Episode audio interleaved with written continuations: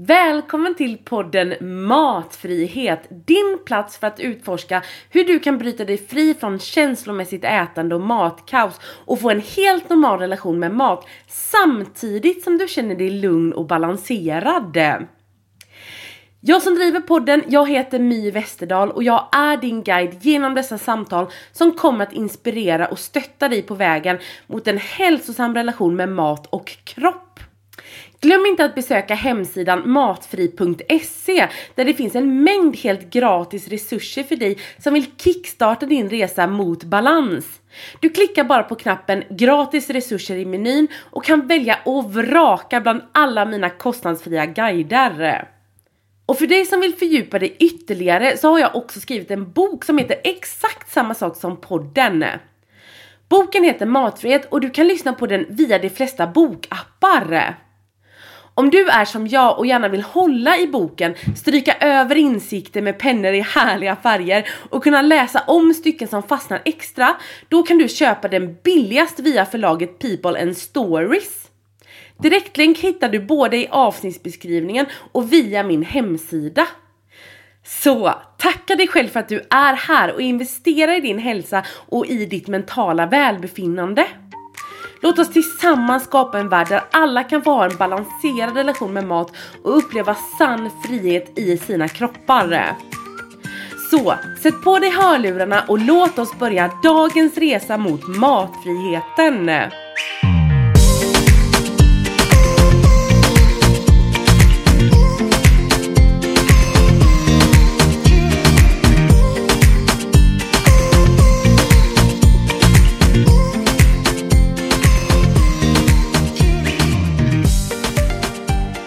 Dagens gäst och jag, alltså Matilda, vi har så många gemensamma träffpunkter. Båda växte upp som tjocka barn och vi som är vuxna idag och som var tjocka barn, vi har ett ganska speciellt band känns det som.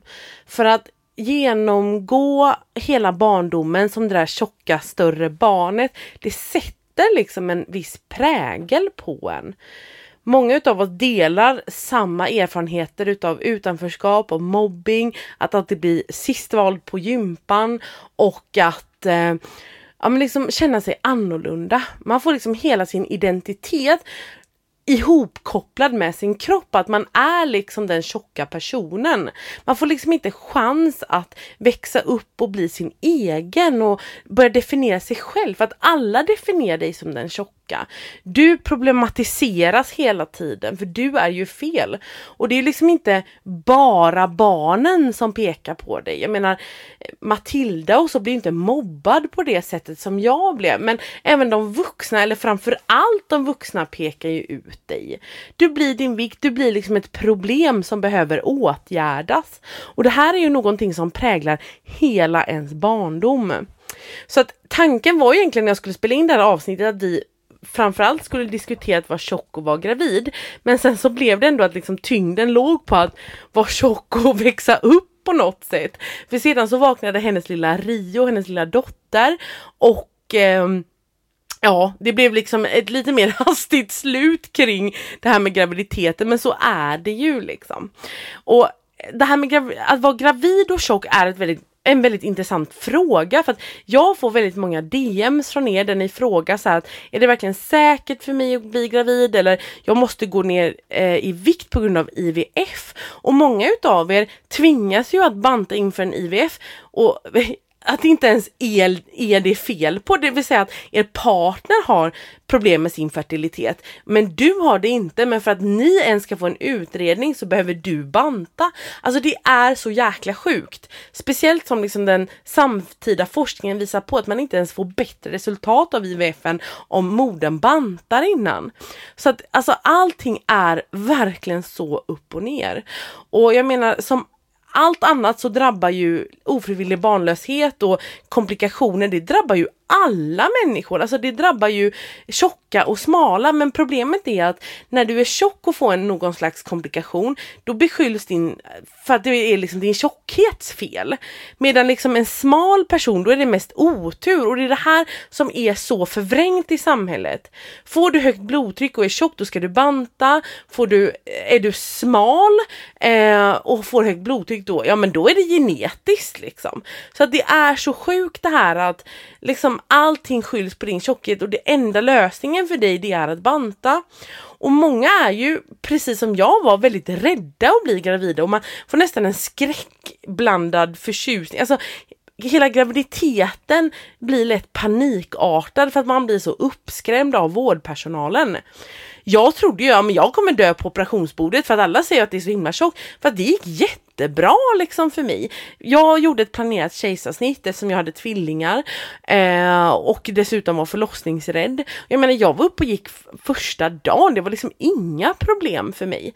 Så att det här liksom alarmismen som finns kring den tjocka kroppen är också väldigt skadlig och farlig för vår hälsa för det ger ökade stresshormoner. Man är jämt försatt i ett stresstillstånd. Men också det här vår mentala hälsa, att vi faktiskt inte får leva livet fullt ut för att vi är så himla rädda hela tiden. Så att det är verkligen inte konstigt att, att man är rädd och orolig inför liksom olika händelser såsom en graviditet som en tjock person. Och också att man utesluts från det mångt och mycket. Fast forsk- alltså jag menar, tjocka kvinnor har blivit gravida och fött barn genom alla tider. När jag fick problem med att bli gravid, då sa ju alla till mig så här, ah, men du måste banta, du måste gå ner ännu mer så kommer du bli gravid. För det var ju det som var, då hade jag ju bantat skitmycket. Eh, och vi hade liksom jobbat med och liksom stångats med ofrivillig barnlöshet i fyra år. Men det var hela tiden svaret att jag behövde gå ner ännu mer och gå ner ännu mer i vikt.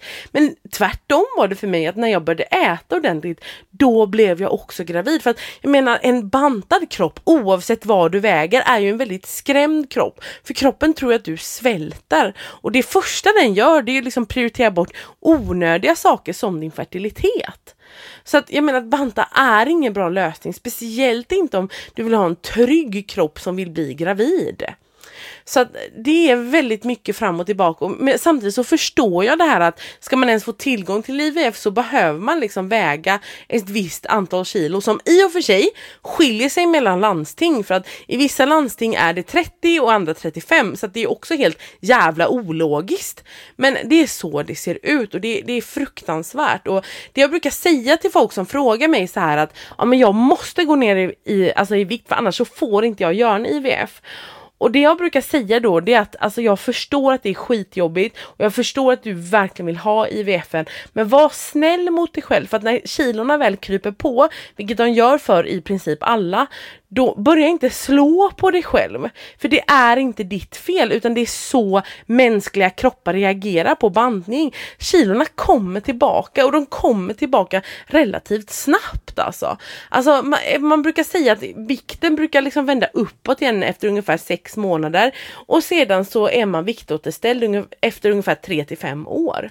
Så det fungerar nästan inte för någon. Så att var snäll mot dig själv i det. Samtidigt så förstår jag att man behöver behöver göra vissa saker för att ens få tillgång till IVFen och då kan det vara värt att göra en sån sak om du känner så. Eftersom att annars så blir man utesluten. Så att oavsett vad du än väljer så står jag alltid på din sida ska du veta. Det finns liksom ingen skam i att behöva göra vissa saker.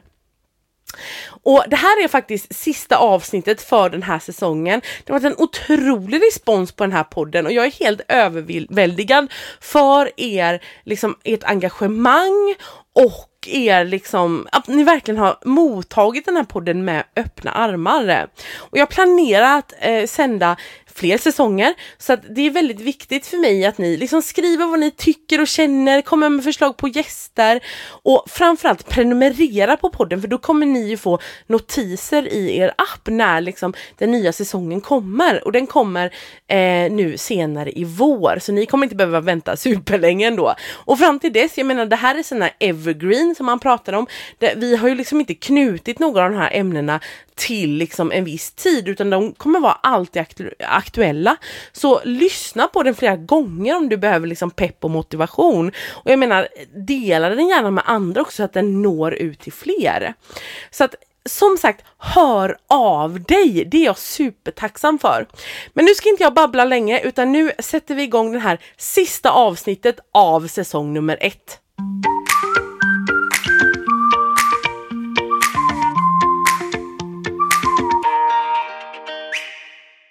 Välkommen hit Matilda, vår Instagramstjärna! Hur är Tack läget? Det är superbra faktiskt, väldigt bra. Oh, härligt! Och vi har ju någonting väldigt roligt gemensamt som är lite så kuriosa för er som lyssnar. Vår dotter heter ju samma sak, Rut. Mm.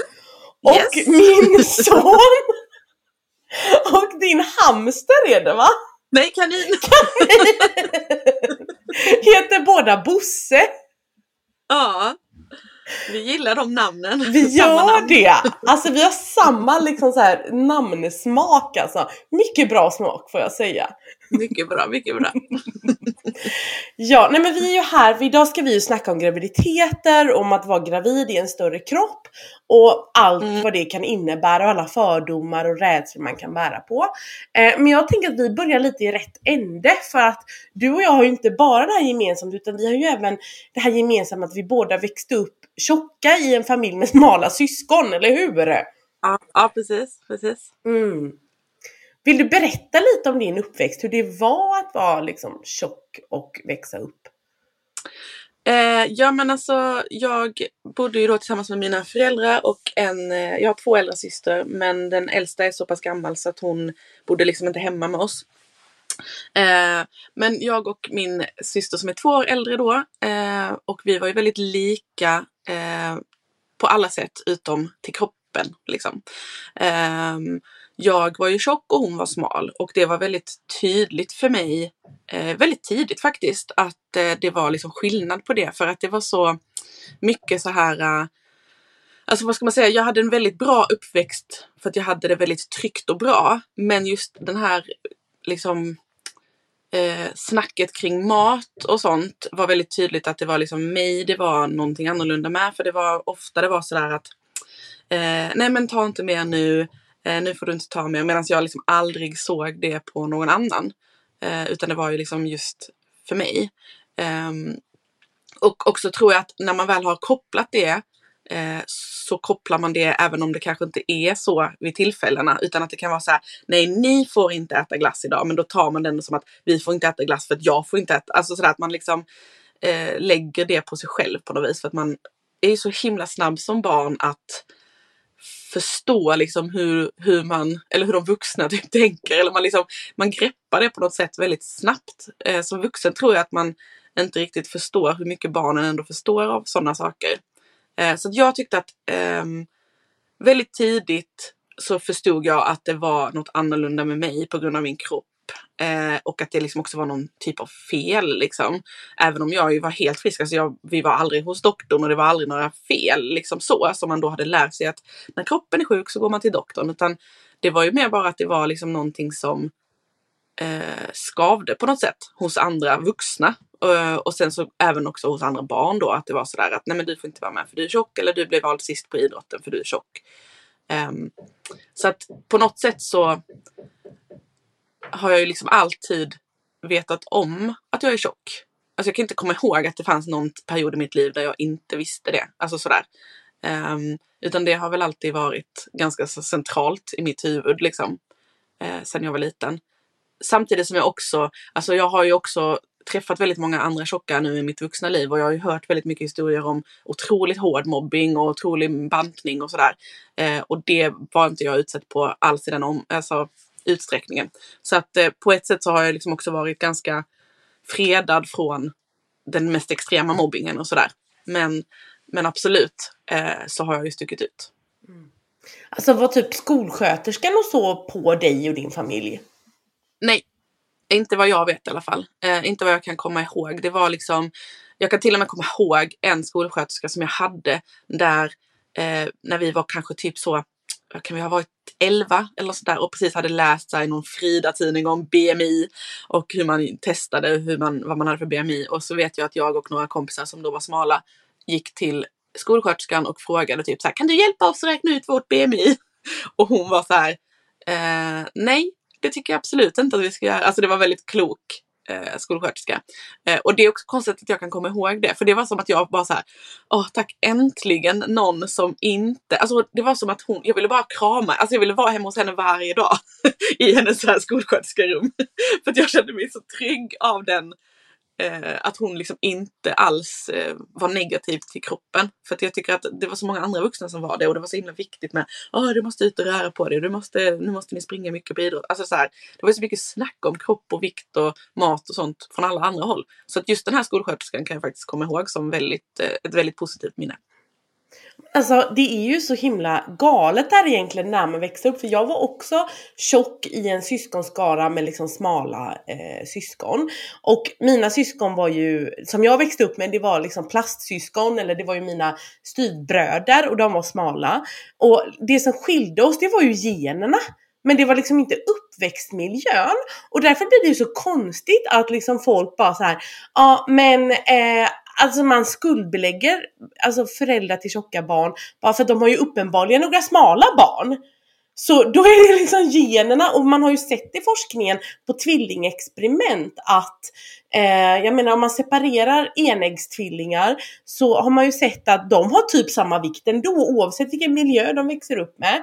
Medan om man eh, kan uppfostra tvåäggstvillingar, det vill säga de är ju som syskon fast föds samtidigt, eh, så kan de få väldigt olika vikter oavsett att de är liksom så uppväxta i samma miljö.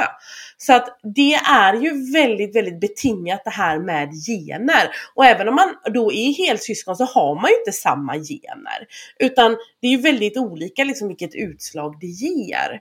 Men man blir ju väldigt utpekad och det blir ju ett väldigt så ja, men en central grej för alla syskon. För för mig var det så också att jag menar mina bröder fick ta om om de ville, jag fick inte det. Men de var tvungna att liksom tänka på hur och när de åt godis för att antingen inte läska mig eller så fick de avstå för att inte jag skulle äta. Mm. Ja usch, det, det, alltså det är så hemskt på något vis. Alltså när man tänker på det. Att man också, som jag sa innan, att man är så medveten om det som liten också.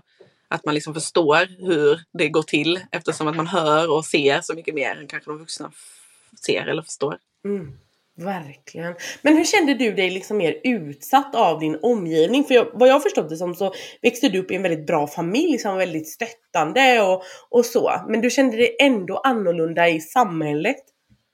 Ja men alltså det var ju väldigt tydligt liksom, redan när man gick i skolan och klasskompisar och sånt. Alltså jag tror vi var kanske tre stycken i klassen som var liksom lite tjockare än de andra. Eh, och det är ju väldigt lite som krävs för att man ska räknas som tjock. Liksom. Eh, så att äh, det spelar ju egentligen ingen roll men det är liksom man, väldigt snabbt så får man ju olika roller i ens klass till exempel. Eh, och då är det ju, är man då tjock så är det ju det som blir ens roll. Eh, och även att det är sådär, eh, ja men alla, i alla steg liksom i det här sociala sammanhanget eh, så är man ju väldigt utsatt som tjock. Både på liksom så här, ja, men ens kompisar, det populära gänget eh, och sen när man väl liksom börjar bli intresserad av killar. Alltså allting sånt där. Så jag, menar, jag kommer ihåg alla, alla när man var liksom 8-9 år. Alla, var så här, alla i klassen var tillsammans med alla men jag fick ju aldrig vara tillsammans med någon. Liksom. Det var ingen som ville vara tillsammans med mig. Och jag förstår ju att det har ju ingenting annat att göra med än att jag var tjock eftersom att liksom, det var inte som att de andra var något speciellt. Liksom. Eller så här. Det var ju, alla barn är ju barn så att jag menar, man kan väl vara ihop med vem som helst. Eh, men det var så himla tydligt att eh, men också så här eh, vuxna som sa till, som jag också med, alltså så här, även, även om mina föräldrar var väldigt eh, bra så var de ju också sådär att de sa till mig. Eh, att det också var så här, men nu ska vi kanske väga dig eller hur, hur, hur, känns det själv? Och, alltså sådana saker som man liksom inte alls ville prata om eller som man alls kände att man var... Eh, alltså, nej, det, det liksom... Det var inte som att de var på mig hela tiden men det fanns ändå hela tiden i bakgrunden. Jag liksom tyckte alltid att det kunde vara jobbigt med vissa middagar och sådana saker. Så att det var ju liksom eh, ja, väldigt centralt på något vis. Alltså det blir väldigt så här, liksom alla är på en och man liksom hela tiden blir påmind om det. Alltså från tidningar, TV, föräldrar, omgivning och så vidare. Och att man känner sig ja, men liksom det kan även vara bara små signaler som att inte bli vald på gympan eller som du säger, ingen vill vara ihop med en och så när man är barn. Så eh, är det ju att man hela tiden, då blir, då blir man ju den tjocka människan. Det blir ju en del av ens identitet. Så att jag upplever ju mycket som, blir uppväxt som liksom ett tjockt barn, att jag har ju gått miste om så mycket som mina kompisar fick. Allt det här att, ja men precis som du, ingen ville vara ihop med mig när jag var barn. Eh, jag, blev, jag blev ju också mobbad, men också det här att det var ju väldigt, alltså med de andra barnen så kunde man fråga, men vad gillar du att göra? Och man fick prata, medan jag var alltid det här tjocka, så man skulle alltid prata med vikten av mig. Det var liksom det mm. man tänkte på först när man såg mig. Så jag blev aldrig sedd som person, utan det var liksom ett problem eller det tjocka barnet som behövde åtgärdas. Så det är väldigt svårt att liksom få utveckla sin identitet på ett sunt sätt som tjock i det här samhället. Ja men precis, för man hamnar ju liksom i ett fack direkt alla har ju liksom en förutfattad mening om hur man är som person eller som man ska vara som person när man är tjock. Eh, så att på något sätt så, så blir man ju liksom den personen också. Eh, eller jag kan liksom känna att också att jag liksom har varit ganska så här, eh, tagit mycket plats liksom även personlighetsmässigt och varit så här högljudd och kunnat liksom, och då, och det är ju också en sak som liksom så här, eh, alltså det känns som att man måste liksom på något sätt när man är liksom tjock så, så är det precis som att du måste så göra folk till lags på något vis. För att det liksom är en så stor del av någonting typ negativt. Eh, som gör att då måste man liksom dra tillbaka på annat. Eh, för att man inte ska liksom ta över för mycket eller för att man inte ska liksom vara allt det dåliga som ses dåligt utan man ska liksom kompromissa då liksom. Eh, så att jag kan väl också känna att man hamnar liksom i ett fack och man Eh, utan att man egentligen vill eller man har liksom ingen, man bara är där. Alltså man blir liksom den som är dålig på idrott fast man inte ens har fått försöka. Man har liksom inte ens fått vara bland toppen och, eller springa längst fram på fotboll för man får inte ens chansen liksom. Eh, utan man anser som att så här, men du kan stå i mål eller du kan vara back liksom bara för att man är lite tjock. Eh, eller liksom du, alltså. Jag tycker liksom att det känns som att det, det, det är precis som du säger, det är mycket man liksom inte har fått eller som man har gått miste om helt enkelt, som, ens, eh, som andra smala inte har gått miste om. Att man har liksom, men det är också precis som det här med liksom att man, man bara, jag vet inte, det känns som att man blir ju ett mobboffer typ. det, låter ju, det låter ju så himla hemskt men det är ju så. Eh, och då är det klart att de som inte är det har ju en helt annan upplevelse av sin skolgång till exempel eller sina, hur deras vänner och alltså hur det har varit för dem. Så att, att hur, det är svårt att tänka liksom hur skulle jag ha varit som person eller vad skulle min personlighet varit om jag var smal? Alltså det går ju inte ens att föreställa sig för man, blir, man är ju ändå sig själv liksom. Eh, men det är ju ganska många gånger jag har tänkt tanken av att undra vad det hade blivit av mig om jag inte var tjock. Liksom. För att det gör ju att man har, ja men det är jättekonstigt egentligen när man tänker efter att det är så himla tydligt att för att man är tjock så blir man begränsad liksom. Ja. Så, ja. Nej men alltså det är precis som du säger och det finns ju en sorg i det. Jag, jag fick ju eh, diagnosen komplex PTSD för ett par år sedan. Eh, och ett av de här symptomen är ju att man jämt går runt och är liksom så här spänd. Man har höga stress hormonnivåer i kroppen. Och jag vet att även när jag var liten så tog mina föräldrar mig på eh, till vårdcentralen och tog blodprov. Och det visade sig att jag hade höga liksom, stresshormoner cirkulerande i kroppen. Och det beror ju på att, men, att man hela tiden ja, men liksom gå omkring och spänner sig. Man vet ju inte när nästa attack ska komma. Man vet inte det. Alltså, som tjock kan du gå förbi en skolgård och de ropar elaka saker efter dig. Det är ju sant. Och det kan också vara så här att ja, men du sitter på eh, middagar med släkten och det kommer liksom, men du ska inte försöka gå ner lite. Eller du måste tänka på hälsan och sådana grejer. Eller liksom när du ska ut och söka arbete så vet vi ju att tjocka människor blir diskriminerade och så. Um, och även liksom i, i, i datingappar. Jag vet ju att väldigt många tjocka människor har liksom verkligen så här helkroppsbilder på sig, supertydliga, bara hej jag är tjock, för de vill liksom inte framstå som att de catfishar typ. Så att alltså, det är så jävla hemskt! För att man blir liksom hela den här identiteten som tjock människa och man har liksom inte samma möjlighet. Men det beror ju på att samhället ser ju en som att att man bara är en misslyckad smal person. Att djupt inom oss så döljer sig den här smala personen. Som bara väntar på att komma ut. Och det är så sjukt liksom. Jag vet inte hur många gånger liksom folk har sagt till mig så ja men du vet alltså eh, din tjocka kropp det är liksom ett psykolog, det är den psykologiska avspegling på att du behöver ett fysiskt skydd mot mig, alltså omvärlden. Jag bara, vad i helvete? bara, löser du dina trauman så kommer du bli smal. Bara, mm. Ja, nej men gud. Ja, det är verkligen, men det är också precis som du säger det här med att man liksom hela tiden också går runt på spänn. Alltså det kan jag känna att absolut mycket, mycket mer när jag var liten. För då var man ju inte alls, då hade man ju inte liksom byggt upp sitt eget själv, eh, liksom försvar eller vad man ska säga. Eller så. Eh, men jag kan ju känna det fortfarande. Alltså i vissa sammanhang så tycker jag att det är otroligt jobbigt och jag vet att det kan liksom komma eh, saker flygandes eh, helt oförberett. Eh, men som sagt ännu mer när man var liten. Och det är ju som du säger också så här. Eh, hur ska man liksom men det är så himla hemskt. Det är bara så. Varför, varför ska det vara så liksom? Ja men det är alltså också så att man ser och hör alla andra prata. Det är liksom som typ när jag är på gymmet så kan folk klämma ur sig och säga ja men jag har gått upp tre kilo nu över jul och det är inte bra och bla bla och de är skitsmala jämfört med mig och jag bara mm.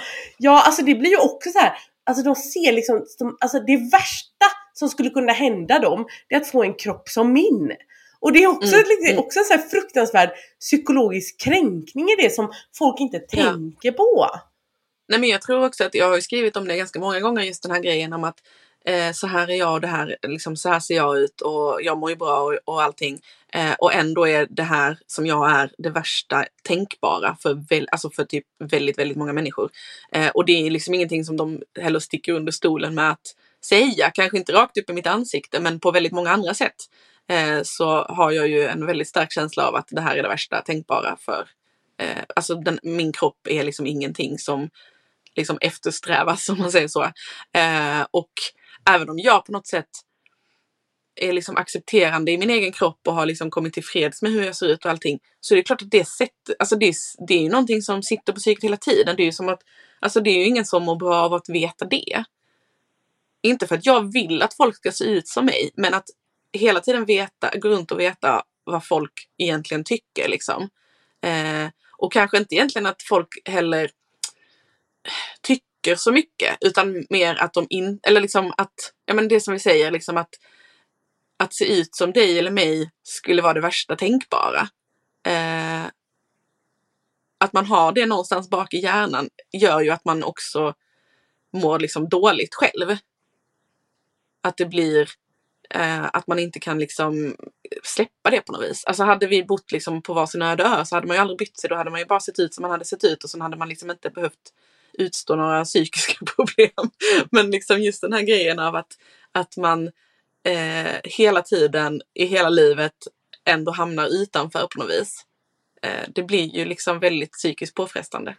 Verkligen. Och det rullar in lite på alltså det vi egentligen ska prata om här och det är ju att vara gravid i en tjock kropp för att eh, och det här är en av de vanligaste frågorna jag får av tjocka mammor. De är livrädda. För deras barnmorskor säger typ i princip till dem så här att det är farligt att vara gravid. De tror ju att de dödar sitt barn med bara att de är tjocka liksom. Alltså det är så sinnessjukt. Och jag gissar på att det är många som har skrivit till dig i rädsla också. Ja, ja alltså jag har ju gått igenom två graviditeter nu inom loppet av tre år och eh, jag har ju varit väldigt öppen med det på Instagram och sådär. Eh, och såklart har det kommit in väldigt mycket DMs eh, och väldigt mycket frågor och väldigt mycket funderingar och också väldigt mycket igenkänningsmeddelande eh, liksom, och sådär. Folk, eh, jag kan ju få allting från att eh, de har fått eh, Nej men att de har blivit liksom så eh, barnmorskan har sagt eller någon annan har sagt att men du kanske hellre ska göra abort än att gå igenom den här eh, graviditeten. till exempel, bara på grund av ens BMI då, att det är nog bättre att du gör en abort och sen kommer du tillbaka. Eh, kommer du tillbaka gravid nästa vecka? liksom som att det som att man kan välja när man ska bli gravid. Nej men liksom att det ska vara så här, så kommer du tillbaka sen när du liksom gått ner i, i vikt och så kommer det bli en bättre graviditet liksom. Eh, och, och att att någon skulle säga till mig att jag skulle göra abort, hade, alltså det, jag kan inte ens föreställa mig hur det skulle kännas. Eh, men också mycket frågor kring bara så här, hur har du blivit bemött i vården? Vad har din barnmorska sagt? Jag är jätterädd för, jag vågar inte ens, jag vågar inte ens försöka bli gravid. Alltså det tycker jag är så sjukt att folk kan liksom komma till mig och säga så här, jag, jag vågar inte bli gravid. Jag vågar inte ens försöka. Jag har funderat på att gravid. Jag kanske vill bli gravid om ett år, men jag vågar inte ens försöka. Eh, och då känner jag bara så här, men hur kan, man, hur kan det bli så? Hur kan man inte ens våga försöka? För att jag menar det är väl bara att köra och så blir du gravid och allting går bra så går det ju bra. Alltså precis som för vem annan som helst. Eh, det är väldigt mycket skrämsel kring att vara tjock och gravid.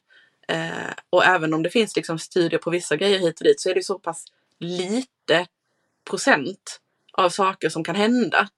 Eh, på grund av att man är tjock jämfört med, alltså för jag menar vilken graviditet som helst kan ju vara med, eller så här, vara med om ett missfall. Vilken graviditet som helst kan eh, få havandeskap, alltså, eller graviddiabetes eller vad som helst. Alltså jag har två kompisar som är smala som har haft graviddiabetes. Jag tänkte så här, jag är tjock, jag kommer få det 100%.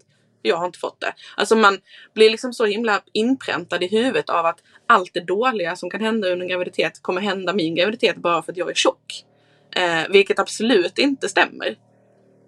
Så att eh, det är liksom väldigt eh, det pratas helt enkelt för lite om att en, en gravid tjock person kan få en helt naturlig graviditet och förlossning utan några problem. Liksom. Mm. Eh, och sen klart kan det ju vara eh, komplikationer också. Men vad fan spelar det för roll? Liksom? För jag menar, det kan ju vilken graviditet som helst få. Så det är liksom inget konstigt så. Alla som, som utsätter sig för en graviditet i så fall utsätter ju kroppen för livsfara. För det är ju liksom lika farligt för vem som helst. Precis och alltså det man måste se också det är liksom hur de här siffrorna framställs. Alltså gemene man har ju inte det de kunskaperna att tolka liksom, de skräckrubriker liksom, som finns. Och inte heller doktorer ibland, för de är så fettfobiska så att de bara säger äh. Men det, låt säga så här att, alltså, om, alltså det är väldigt, ofta möts vi av rubriker som det står, ja men tjocka löper, eller feta löper 100% större risk att utveckla eh, hjärt och kärlsjukdomar eller graviddiabetes, låt säga det. Och då låter mm. det ju som att smala människor har 0% risk och tjocka har liksom, det är nästan garanterat att de får graviddiabetes. Det är ju typ så vi, våra hjärnor tolkar en sån rubrik. Men tittar man på det så låt säga då att egentligen kanske det ser ut så här att den smala löper 0,1% risk att utveckla på gruppnivå att utveckla graviddiabetes och den tjocka kanske då med en 100% ökning eh, löper 0,2% risk. Så det är så otroligt ja. små. Men det är ju liksom så här, det så framställs det ju inte. Utan vi tolkar det så, och jag har också sett siffror på att ah, men det är så mycket svårare att bli gravid när man är tjock. Ja, när man har mätt det på gruppnivå så tar det ungefär en månad längre tid för den tjocka personen att bli gravid jämfört med en smal BMI. Och jag måste också säga så att man har ju klumpat ihop alla tjocka i en grupp. Man har inte skilt på tjocka som varit tjocka från födseln, som blivit tjocka sen, som blivit tjocka av mediciner, som blivit tjocka av diabetes. Alltså du har bara liksom en stor grupp människor som du har liksom inte särskilt på. Och dessutom lever den här gruppen under väldigt de här psykologiska stressen, diskrimineringen, självhatet. Så det är klart det sätter sig på hälsan också. Men du, du kan liksom inte urskilja det för att jag menar, du kan inte lyfta den tjocka kroppen ur sin miljö och se hur friska de tjocka människor varit om de faktiskt blev behandlade med kärlek och respekt som alla andra. Men du hade en helt okomplicerad, eller du har haft två okomplicerade graviditeter, eller hur? Yes, precis. Eh, jag, eh, alltså när jag blev gravid så var jag ju skiträdd för att jag eh, för det första så fanns det så himla lite information och det fanns så himla få tjocka andra gravida som jag kunde hitta online. Så att jag tänkte ju liksom att så här, men gud, finns det ens andra gravida tjocka personer typ? Eh, eftersom att man kan följa hur många som helst som är smala och gravida på sociala medier liksom. Eh, men jag var ju väldigt sådär att jag googlade och så kommer man liksom in på så här läkarsidor och så är det så här statistik och så är det liksom så här du kan få missfall, du kan få det, du kan få det. Och, och det gjorde ju att jag blev skiträdd för att jag tänkte att det här kommer ju inte gå. Liksom, hur ska det här gå? Eh, men sen liksom så fort jag träffade min barnmorska och så fort vi liksom började ha våra liksom veckokontroller och sånt då visade det sig att det gick hur bra som helst för mig att vara gravid och tjock. Eh, jag hade ju superfina värden hela tiden och inga, det var liksom inga konstigheter alls och jag mådde bra också hela tiden. Jag fick lite foglossning men det var liksom ingenting som var värre än någonting annat. Eh, och sen i och med den graviditeten och den förlossningen, då min första, så var jag ju väldigt preppad liksom till Oj nej, nu vaknar Rio också. Eh, så var jag ju väldigt preppad till för, eh, min graviditet nummer två. Alltså just det här att jag kände att eh, jag vet ju att det här kommer gå hur bra som helst. Det här är ju inga problem. Eh, så att för mig var det liksom mer så här att eh, jag trodde det värsta men det blev hur bra som helst. Mm. Mm. Alltså hur ska vi göra med Rio? tror du att hon kommer mm. somna om? Ja, jag ska se. Jag, jag, B, BRB. BRB!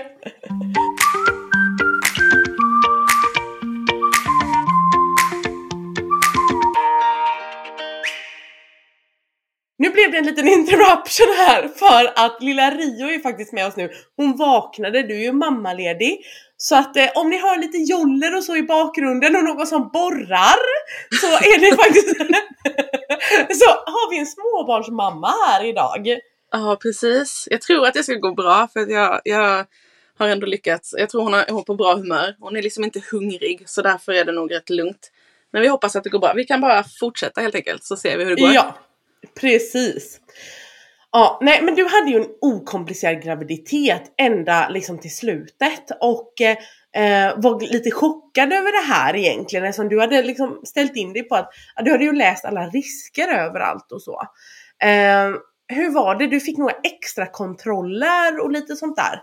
Ja men precis och det tänkte jag också säga att det var ju också inför varje kontroll och inför varje träff med en ny person inom vården så var det ju nervöst. Och det pratade jag ju väldigt mycket med min man om att jag tyckte att, liksom, alltså jag var mer nervös nästan över att träffa en person än att faktiskt göra själva undersökningen. Eftersom att jag visste inte vad den här personen tyckte om tjocka personer. Liksom. Eh, jag visste inte hur bemötandet skulle bli, om det skulle bli liksom snack om min vikt eller bara snack om min graviditet. Liksom. Eh, men jag fick extra kontroller. Jag fick träffa en läkare från specialist någonting. jag, eh, och det, det, var ju precis likadant. Det var ju samma förlopp. Jag hade samma barnmorska med båda graviditeterna och det var liksom samma förlopp båda gångerna. Eh, men det var ju extra kontroller hos min vanliga barnmorska. Där vi kollade liksom blodtryck och eh, sådana där grejer, kollade hjärtljudet och sånt. Eh, men jag fick också göra extra ultraljud. Eh, I slutet av graviditeten fick jag ett extra ultraljud i vecka kanske 28-29. Eh, det var ett tillväxtultraljud och då frågade jag barnmorskan varför och då finns det någon statistik på att tjocka föder mindre barn eller något sånt där. För jag tänkte så här, ja det är väl för att jag skulle föda ett tjockt barn då. Men tydligen är det tvärtom. Eh, men det var ju, har ju inte varit så i mitt fall. Men det, och hon sa att hon har aldrig varit med om att den statistiken faktiskt har gett utslag på någon av dem som hon har träffat. Um, men extra ultraljud och extra kontroller och sen även träffat en narkosläkare för att få eh, de kolla liksom om de kan sätta en EDA i ryggen. Jag vet inte riktigt om man inte kan det på vissa men eh, och sen också prata liksom om, alltså det mesta som jag tyckte var så här när det var extra kontroller var att man pratade igenom liksom tanken om förlossningen och att man liksom var på samma sida typ. Jag tycker att alla som är gravida borde alltså oavsett kroppsform, borde få de här samtalen. För att det var väldigt bra på något sätt att de var så här, ja men du, då ska vi sätta en EDA på dig tidigt ifall du vill ha det. Och liksom, det var mycket, men mest förberedelser typ.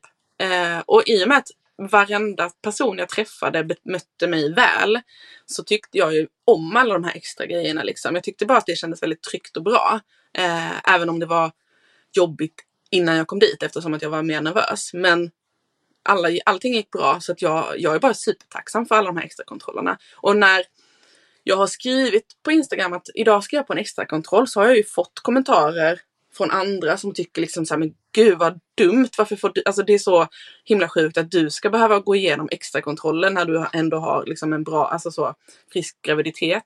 Medan jag mer känner liksom att jag är bara tacksam för det. För att på något sätt så är det mer bara att de håller koll på att jag mår bra och att mitt barn mår bra. Och det har jag också använt som liksom pepp till andra som har sagt att Åh, jag ska dit och jag tycker det känns jättejobbigt för att jag vill inte det egentligen. Och jag vet att det är bara för att jag är tjock. Och då har jag liksom ändå sagt att men tänk det som att, att ni får komma på extra kontroll du och bebisen är ju för att liksom barnmorskan eller liksom vem som helst egentligen ska hålla koll på dig och bebisen, att ni mår bra.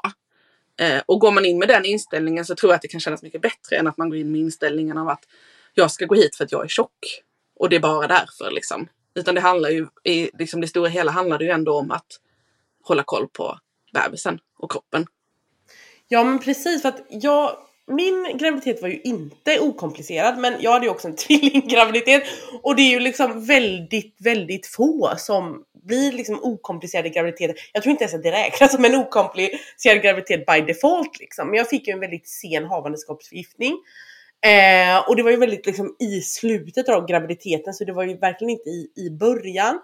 Eh, och jag har det även från släkten som har fått eh, havandeskapsförgiftningar. Och Problemet var att jag kände mig så här himla lurad för jag bara, nej men jag vill inte väga mig här. Och de bara, men du måste väga dig för att vi måste hålla koll på ifall du får en havandeskapsförgiftning. Tänkte jag, men det låter väl rimligt och så vägde jag mig. Och sen så gick jag ju upp ett kilo om dagen i slutet. Mm. Och så ringde jag och de bara, nej men du har fortfarande, ja så bra, nej nej, du får sluta äta så mycket. Men tror du att jag äter mig till ett kilo om dagen? Det var så jävla stört. Så att nästa gång så känner jag bara eller om jag skulle bli gravid en gång till så skulle jag verkligen inte väga mig för bara, för vems skull då? Mm. Då kan jag väga mig hemma, de använder ju inte ens det värdet för att hjälpa mig. Och jag kände också så här att Um, ja men liksom att det var väldigt mycket så här viktsnack där. Ja men du, du ska helst bara gå upp 6 kilo. Bara, men hur fan ska jag kunna kontrollera det? Alltså det är inte så att liksom man sitter och bara malar. Jag fick knappt i mig liksom en halv frukt för att jag hade så liten magsäck liksom med de här mm. ungarna. Så det är så konstigt också att man ska börja kontrollera sin vikt mitt i allt. Och också det här typ att någonting annat som jag tycker är så roligt för att jag vill ju ha ett planerat kejsarsnitt. Mm. För att jag kände så här, alltså när jag kollade på statistiken så ungefär varannan mamma blir liksom förlöst med kejsarsnitt. Och då klämmer man ut första ungen och trasar sönder eh, alltså underlivet. Mm. Och så mm. vägrar den andra ungen komma ut och så blir det kejsarsnitt ändå. Och jag bara mm. nej, jag är inte taggad på den jävla idén utan bara snitta mig direkt. Och de bara nej. Och så var det såhär, ja men vi måste ju också tänka på att det är större risker för dig som är tjock. Och det här är det roliga, för hade jag bott i USA så hade det varit tvärtom. Då hade jag inte fått föda vaginalt på grund av att jag är tjock. Nej. Så det är så olika vilket land man är och man bara hallå! Okej okay, så att om jag hade bott i USA då är det farligare för mig att föda vaginalt men här är det farligt. Alltså det är så jävla sjukt. Ja. Jag menar farligare vad då? Alltså det är lite större infektionsrisk. Ja visst, men det kan man avhjälpa. Och liksom propprisk, ja men går man upp och, och, och går så får man ju det och man får ju det här blodförtunnandet också. Mm, mm. Och sedan så är det ju så här, ja men det är farligare att söva mig. Ja men då ska jag ju absolut inte föda vaginalt. Alltså Nej. med tvillingar. Eftersom att då kan det bli liksom ett akutsnitt där jag tvingas mm. söva. Så det är ju liksom så här, tryggare för mig att få, få liksom snittas direkt. Men det var ett jävla liv om det här liksom. Och det, där, där fick man verkligen se att okej, okay, så jag har inte rätt till den förlossningen jag vill ha. Nej. Bara för att jag är tjock. Mm. Nej men jag menar liksom bara när du pratar om det så i mina öron så är det ju så himla självklart att du ska få ett planerat snitt om det är det du vill ha. Med, med tanke på just även alla risker som de så gärna pratar om och allting liksom. Eh, för som du säger, varför skulle du vilja ha ett akut snitt om du dessutom är då i en riskgraviditet?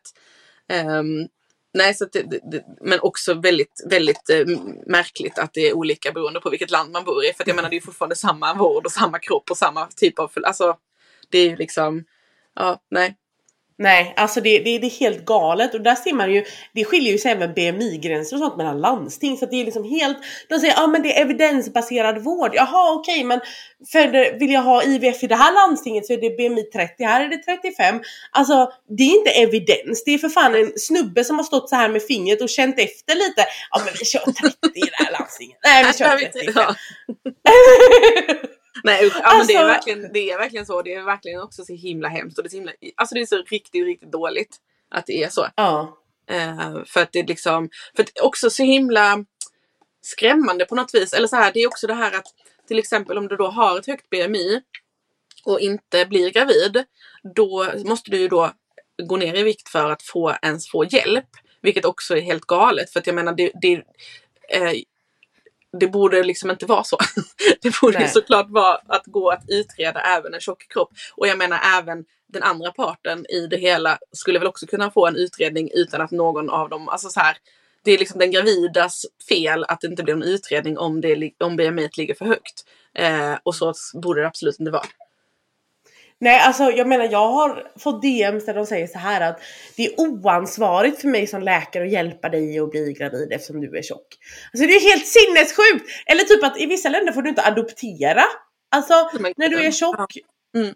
Alltså Nej, men, ja. den tjocka ses ju verkligen som ett misslyckande. Och som Mm. att det är liksom så här tickande bomb. Alltså det är så sinnessjukt. Ja, men liksom också hela grejen av att, eh, att vara tjock och gravid. Det är ju precis som att hela stämpeln av att eh, du är så ohälsosam och du borde inte vara tjock överhuvudtaget grejen. Och sen dessutom då bli gravid och skulle föda ett barn. Eh, om folk då inte nog tycker att man är väldigt dum i huvudet, om man säger så, för att man är tjock, eh, så kommer det ju ännu mer det här att, men vad då ska du liksom också bli gravid? Eh, hur ska det gå? Är det inte oansvarigt? Är inte det ohälsosamt? Är inte det, alltså det kommer så mycket liksom eh, till på det bara på grund av att man redan har fått tjockhatet tidigare liksom. Eh, det bara läggs på en hög av att först blir du hatad för att du är tjock och sen så blir du liksom dessutom hatad, eller ha, men liksom för att du är tjock och gravid. Att man kan liksom inte få bara vara tjock och gravid i fred. Utan det ligger liksom hela tiden värderingar och folk ska hela tiden ha tycka och tänka om det. Um, att man liksom inte bara kan få vara i fred helt enkelt. För det tycker jag, alltså det, ibland kan man känna, tänk vad skönt det hade varit.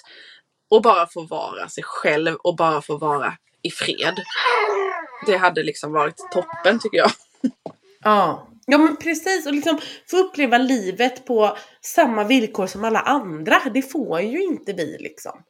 Nej men liksom man märker det så tydligt eh, när man då är som jag och har en profil där folk ändå kan skriva och prata och fråga och sånt. Att det är så himla stor grej att eh, tänka tankar om att bli gravid när man är tjock och att folk är väldigt så här. Ja men just den här grejen också att som du säger att eh, man vill gärna ha det här BMI, man ska gärna inte gå upp mer i vikt under graviditeten. Det är så himla mycket fokus på, på vikten. Eh, och sen också så här att eh, eh, man tänker liksom att, men snälla någon, alla som är tjocka är ju liksom ätstörda på ett eller annat vis. Är det så himla smart att hålla på med vikten då liksom? Och, och inte nog med att man bara ska liksom vara gravid och se till att barnet kommer ut friskt och bra liksom, så ska man också försöka gå ner i vikt samtidigt eller i alla fall hålla, alltså det är så otroligt dumt grej att ens tänka på tänker jag. Alltså, och speciellt också så här, jag tänker att det är så onödigt i förebyggande syfte att prata på ett barnmorskemöte till exempel så här och säga ja det bästa är om du bara går upp eh, max 9 kilo. Liksom, varför ens ta upp det? Det är väl bättre att om man märker att den här personen går upp väldigt mycket i vikt och att det kan bli en fara för barnet, då kan man liksom ta upp det. För att jag menar det är inte många som bara så eh, oj jag bara råkar gå upp liksom 58 kilo här under min graviditet. Alltså, man, det märker man ju liksom. Det är inte som att det bara kommer puff från ingenstans. Utan är, och, och dessutom så här, är det verkligen en fara för barnet om jag går upp 11 kilo istället för 9 kilo? Och skulle det då kunna hjälpt mig att slippa tänka på det? Skulle jag mått bättre psykiskt under min graviditet om jag slapp tänka på det? Alltså jag tycker det är så ofta det känns som att folk målar upp faran innan den är skedd och gör att man blir liksom helt kaosig i huvudet och speciellt som gravid mamma. Eh, då är man redan ganska så utsatt i sin, i sin liksom självkänsla och i sitt psyke liksom. Eh, så att jag tänker, vad är det för dumheter att börja prata om vikt redan innan det är aktuellt liksom? Ja och det har ju varit väldigt mycket i ropet det här liksom att alltså landsting också erbjuder så här viktminskningsprogram för nyförlösta på återbesöket. Vad är dina tankar kring det? Ja, alltså mina tankar kring det är ju att det är helt otroligt dumt. Eh, jag tycker att det är eh, liksom helt onödigt och bara eh, verkligen eh, sjukt att man ens kan typ göra reklam för det och sådär. Eh, för, för mig är det mer att är du nyförlöst så är du otroligt känslig för typ allt som finns och du har eh, kanske också en väldigt dålig eh, självkänsla till din kropp för din kropp har förändrats under graviditeten. Du mår dåligt i kropp, alltså din kropp är liksom slutkörd för att du har gått igenom en förlossning. Eh, det du behöver är liksom någon, en stor varm kram och någon som kommer med mat och liksom du behöver bara föda kroppen till att återhämta sig. Eh, och även psyket för att det är otroligt påfrestande för psyket att bli mamma liksom. Eh, och att någon då skulle komma och säga så här. Ja men du nu så ska vi hjälpa dig att gå ner i vikt eller gå ner de här gravidkilorna som du har gått upp eller liksom. Det, för mig är det bara Alltså det är bara helt otroligt hjärndött liksom. Jag bara känner så här, va, vad i helvete? Alltså skulle någon komma och säga det till mig, jag skulle gått sönder för att man blir helt, ja men man blir så himla känslig också. Eh, och också sådär att det är väl ingenting man behöver fokusera på de först, det första året ens. Eh, är det någonting som man själv vill sen i efterhand så absolut, då är det väl bra att det finns hjälp att få. Om det, om det till och med, alltså om det är en bra hjälp att få. Om det ens funkar, vilket det inte gör. Nej, men på lång sikt. Nej men liksom att, att, det, att, att det ligger som en fokus eh, efter en förlossning är bara helt sjukt tycker jag. För att som sagt, Eh, det första året efter man har eh, gått igenom en förlossning så tycker jag att det, det viktigaste är bara att, att man bara tar hand om sig själv, att man ska ta hand om ett helt nytt liv, att man, att man bara får vara och må bra. Och det gör man inte om man går på någon sorts bantningskur eller liksom får pekpinnar om hur man ska äta eller röra sig. Eh, då mår man liksom inte bra. Så att eh, det är ingenting som jag tycker, eh, jag förespråkar inte den grejen.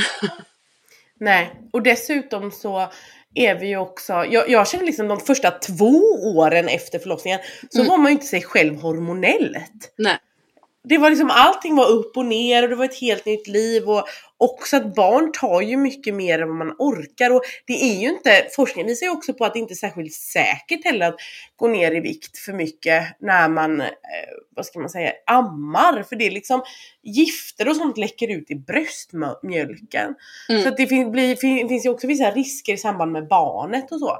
Så att det är ju det är så jäkla dumt men det här vi förstår ju liksom inte människor som inte har levt i, i, i liksom en tjock kropp. Att liksom ingenstans, inte ens i din graviditet så har du respit utan du ska alltid försöka bli smal. Mm. Det måste liksom vara ditt största syfte med livet.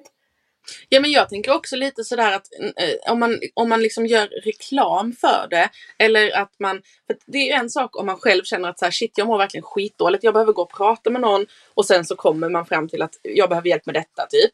Eh, då är det ju en annan sak. Men när man liksom på något sätt kommer med ett färdigt program för så här, hej mm. alla tjocka som har varit gravida, här har vi någonting för er.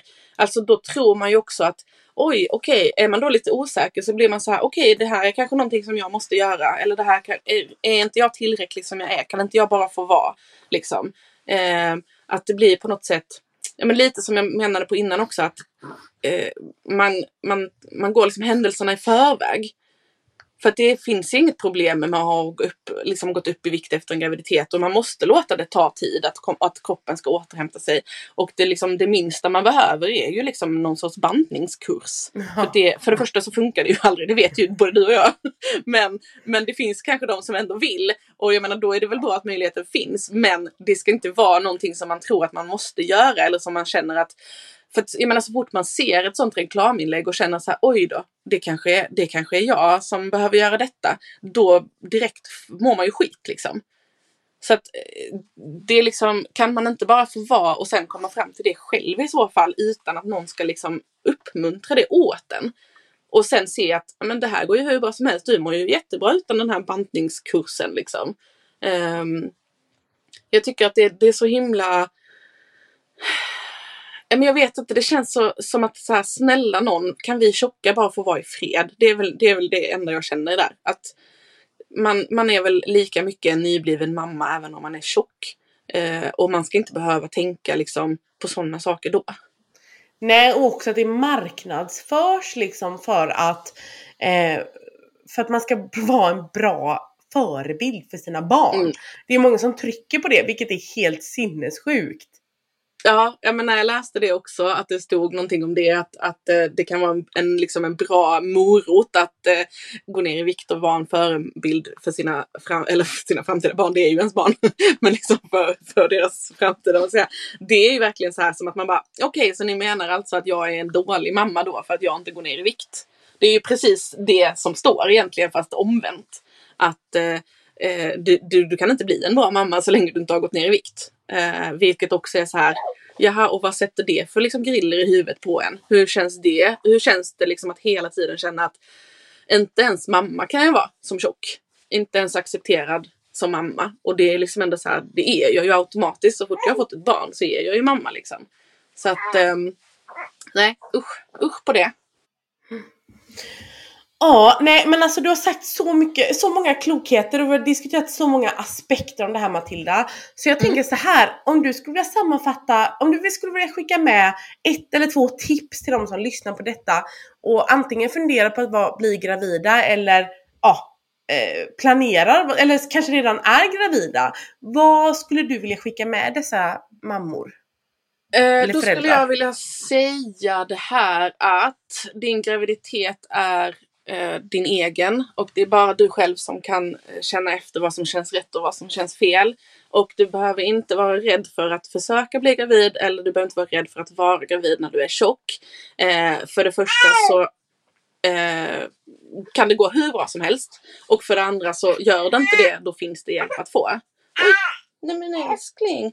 Eh, och jag tänker också att det är liksom Nej, nu tappar jag det igen. Sorry. Mamma gärna! Ja. Alltså man är helt såhär väck. Nej men alltså det går inte att sitta här och skaka mitt barn som håller på att börja gråta och så.